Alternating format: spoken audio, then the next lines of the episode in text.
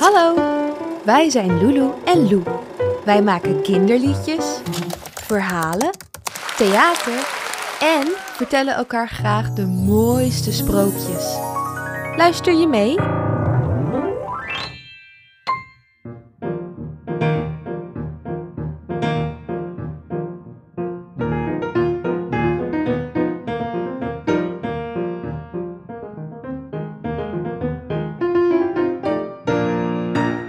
Klaas Vaak.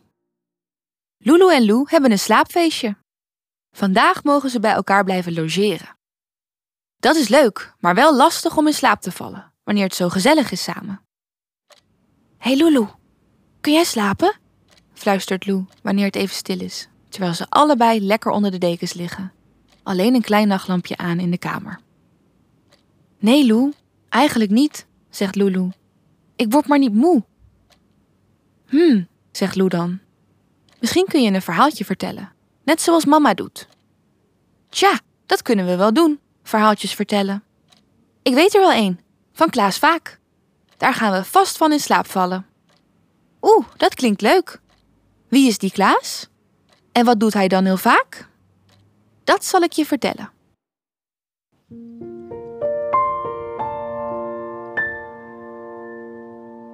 Klaas Vaak wordt ook wel het zandmannetje genoemd.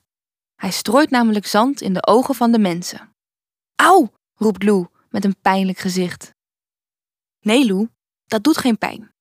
Het is namelijk toverzand, zodat de mensen in slaap vallen. Je wordt er heel moe en slaperig van. Lekker langzaam indommelen. Hmm. Het verhaal gaat zo. Er was eens een oude man genaamd Klaas Vaak. Hij stond bekend om zijn magische krachten om kinderen te helpen in slaapvallen. Hij had een lange witte baard en droeg een hoge hoed en een lange jas. Klaas Vaak woonde in een klein huisje aan de rand van het bos waar hij zijn magische zand verzamelde. Hij was maar een klein mannetje en kon altijd wel door een raamkozijn of sleutelgat. Dat kwam enorm van pas in zijn werk.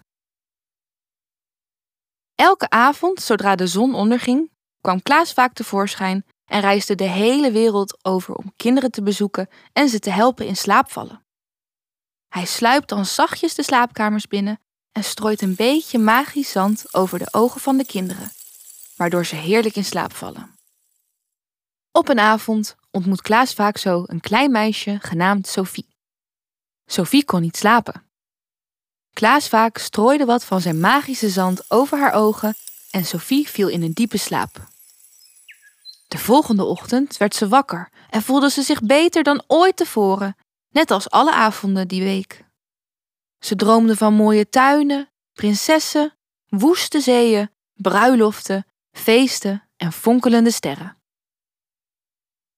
Dat is wat Klaas vaak doet bij lieve kindjes. Zodra ze in slaap zijn gevallen met zijn magisch zand, zorgt hij dat ze de mooiste dromen beleven. Dat doet hij door zijn toverparaplu boven hun hoofdjes te draaien en draaien en draaien en draaien. Op die paraplu zijn de meest wonderlijke verhalen te zien terwijl hij ze vertelt. Zoals de avonden waarop hij het lieve meisje Sophie bezocht. Op de eerste avond, het was maandag, toverde Klaas vaak de slaapkamer van Sophie om tot een prachtige bloementuin.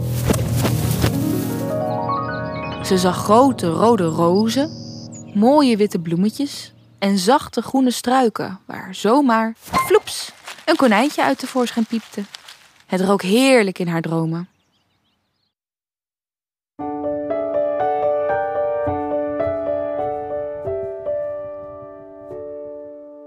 Op de tweede avond, op dinsdag, tovert Klaas vaak in de dromen van Sophie fluitende vogeltjes tevoorschijn, kastelen en prinsessen. De vogeltjes kwetteren, zingen en vliegen om haar heen. De kastelen staan op groene heuvels, gemaakt van witte stenen met gouden torens, blinkend in de verte. Op het pad waar ze wandelt schiet ze opzij voor een grote gouden koets met witte paarden. Ze kijkt door het raampje en oh, daar zwaait een echte prinses naar haar met een zachte glimlach. Ze zwaait gauw terug. Het is alsof ze in een echt sprookje terecht is gekomen. Op de derde avond, op woensdag, regent het buiten erg hard. De druppels bonken op de ramen. In Sophie's dromen tovert Klaas vaak water dat rijkt tot aan de vensterbank. Samen stappen ze uit het raamkozijn zo een bootje in. Ze varen op de woeste zee en Sophie kijkt haar ogen uit. Uit de golven springen dolfijnen en boven haar hoofd zingt een meeuw.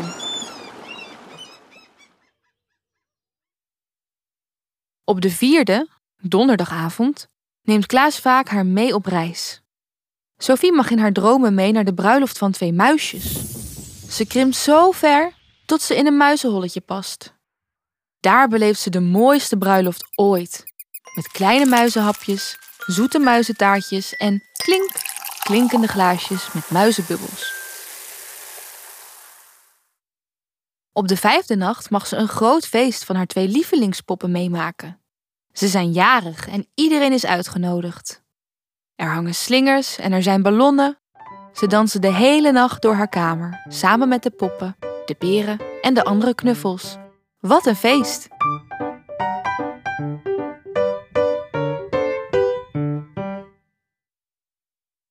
Op zaterdag, de zesde nacht, heeft Klaas vaak iets bijzonders in petto. Hij vertelt dat de hele wereld gepoetst moet worden, omdat het morgen zondag is. Ze boenen en soppen, zingend en lachend tot de klus is geklaard. Het meeste werk is het poetsen van alle sterren. Als ze klaar zijn, blinken ze weer volop aan de hemel. En de hele wereld ruikt weer fris. Maar sterren hoeven toch helemaal niet gepoetst, denkt Sophie als ze wakker wordt. Ze giechelt een beetje, nog lachend om alle nachten met wonderlijke dromen. Ze denkt terug aan de bloementuin, de prinsessenkoets, het avontuur op zee, de muizenbruiloft en het poppenfeest. Wat was het een heerlijke week geweest. Allemaal dankzij Klaas vaak en die heerlijke dromen. Dus lieve, brave kindjes krijgen mooie dromen met de toverparaplu, zegt Lou. En stoute kindjes, krijgen die ook mooie dromen? Bij stoute kindjes doet Klaas vaak iets anders. Ze dommelen net zo lekker in slaap, maar dromen van helemaal niks. Zodra ze slapen, draait hij ook boven hun hoofdjes zijn toverparaplu in het rond. Alleen staan er nu geen wonderlijke plaatjes op, maar helemaal niks. Wat denk jij daarvan, Lou? Zou jij mooie dromen krijgen vannacht? Ben jij een lief kindje geweest vandaag? Het blijft stil aan de andere kant van de slaapkamer. Lulu hoort alleen een zacht. Lou ligt heerlijk te snurken. Droom zacht, lieve Lou.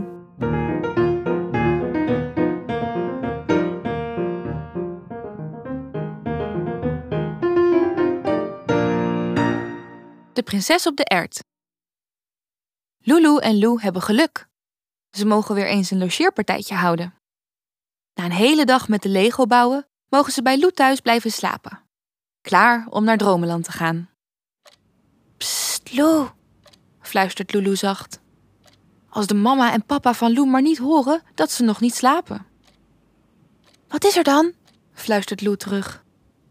Ik kan maar niet slapen, zegt Lulu. Oh, hoezo dan niet? Ik weet het ook niet, antwoordt Lulu. Is het misschien je kussen? Is het te hard? vraagt Lou. Of zijn de dekens misschien te warm? Of misschien is het een ert, giebelt Lulu. Een ert? zegt Lou verbaasd.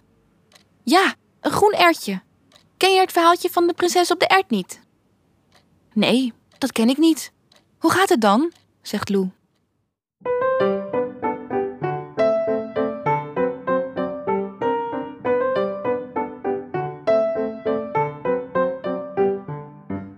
Lang geleden was er een prins die in een van de mooiste kastelen woonde.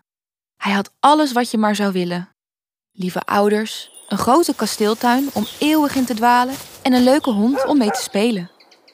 Maar één ding ontbrak in zijn prinsenleven. Hij voelde zich vaak alleenig. Waarom dan, Lulu?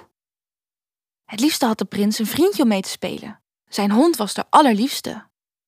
Net als Woef. Net als Woef.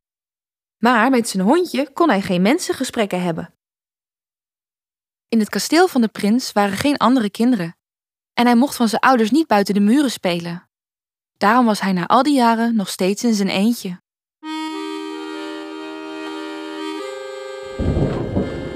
Op een avond zat het prinsje in zijn torenkamer. De regen tikte tegen de ruit en de storm liet het kasteel fluiten. View, view! Het prinsje was in zijn torenkamer aan het spelen met zijn hondje. Ze speelden samen met de bal. Steeds als het prinsje de bal in een boogje gooide, ving het hondje het en bracht de bal weer netjes terug naar zijn baasje. Het spel begon net leuk te worden, maar opeens rende het diertje weg. Hé, hey, waar ga jij nu opeens heen? zei de prins verbaasd. Hij rende de trap af achter zijn hondje aan. Plots klonk er klop, klop, klop. Wat was dat? Ik geloof dat er iemand aan de deur is, prins, zei een lakij. Weer werd er zachtjes gebonst en de grote deur zwaaide open. Er stond een meisje, rillend in de kou. Goedenavond, mag ik eventjes binnenkomen? De prins stond op van zijn stoel en liep naar het meisje toe. Natuurlijk mag je binnenkomen. Maar wat deed je buiten in deze storm? Ja, je moet niet buiten zijn met de storm. Dan word je hartstikke ziek, zegt Lou. Ik was buiten aan het spelen, zei het meisje. Opeens werd het pikken donker en begon het te waaien, maar ik kon de weg terug naar mijn huis niet meer vinden. Het prinsje en het meisje liepen samen vrolijk door de gangen naar een bijzondere slaapkamer. Toen de deur openzwaaide, was het meisje erg verbaasd. Er lag een reuzenstapel aan matrassen keurig op elkaar gestapeld. Het waren er misschien wel twintig. Hier kun je vannacht slapen, zei de prins. Dankjewel, lieve prins, zei het meisje en ze kroop met een hoge ladder haar reuzenbed in. Slaap lekker, lief meisje. Slaap lekker, lief prinsje.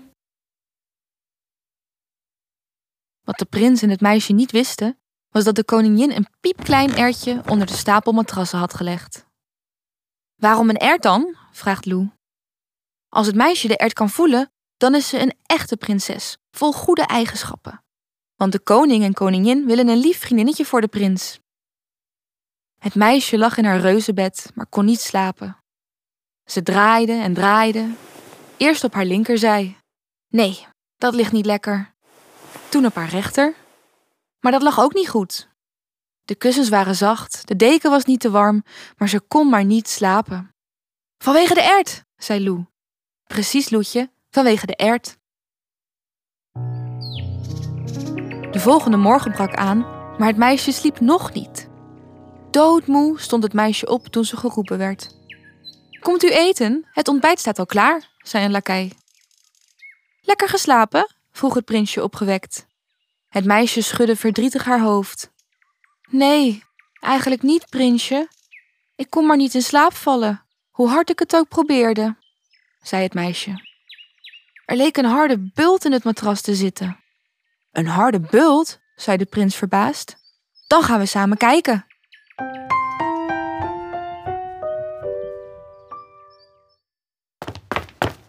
Het meisje en de prins renden door de gangen naar de slaapkamer en de stapel matrassen. Ze gingen samen op zoek naar de harde bobbel. Kijk eens wat ik hier vind, riep het prinsje. Tussen zijn vingers had hij een piepklein ertje. Een ertje? vroeg het meisje verbaasd. Dan ben jij een echt prinsesje, zei de koningin die binnen was komen lopen. Dat klopt, ik ben een prinsesje, zei het meisje. Oh, een prinsesje, riep het prinsje uit. Dan moeten we beste vriendjes worden. Dat werden ze en ze leefden nog lang en gelukkig. Net zoals wij, eindigt Lulu.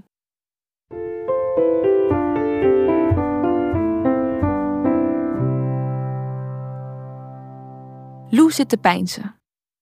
Lulu, is er misschien ook een ertje onder jouw matras? Wie weet. Kom, we gaan kijken, Lou. Lulu en Lou kruipen onder de warme dekens uit. Lulu steekt haar hand onder het matras om eronder te voelen. Lou doet haar na. Lulu, ik heb iets, roept Lou uit. Wat dan? Laat eens zien. En daar is het. Is het een ert, Lou? fluistert Lulu. Je bent geen echte prinses, Lulu. Het is een Lego-blokje.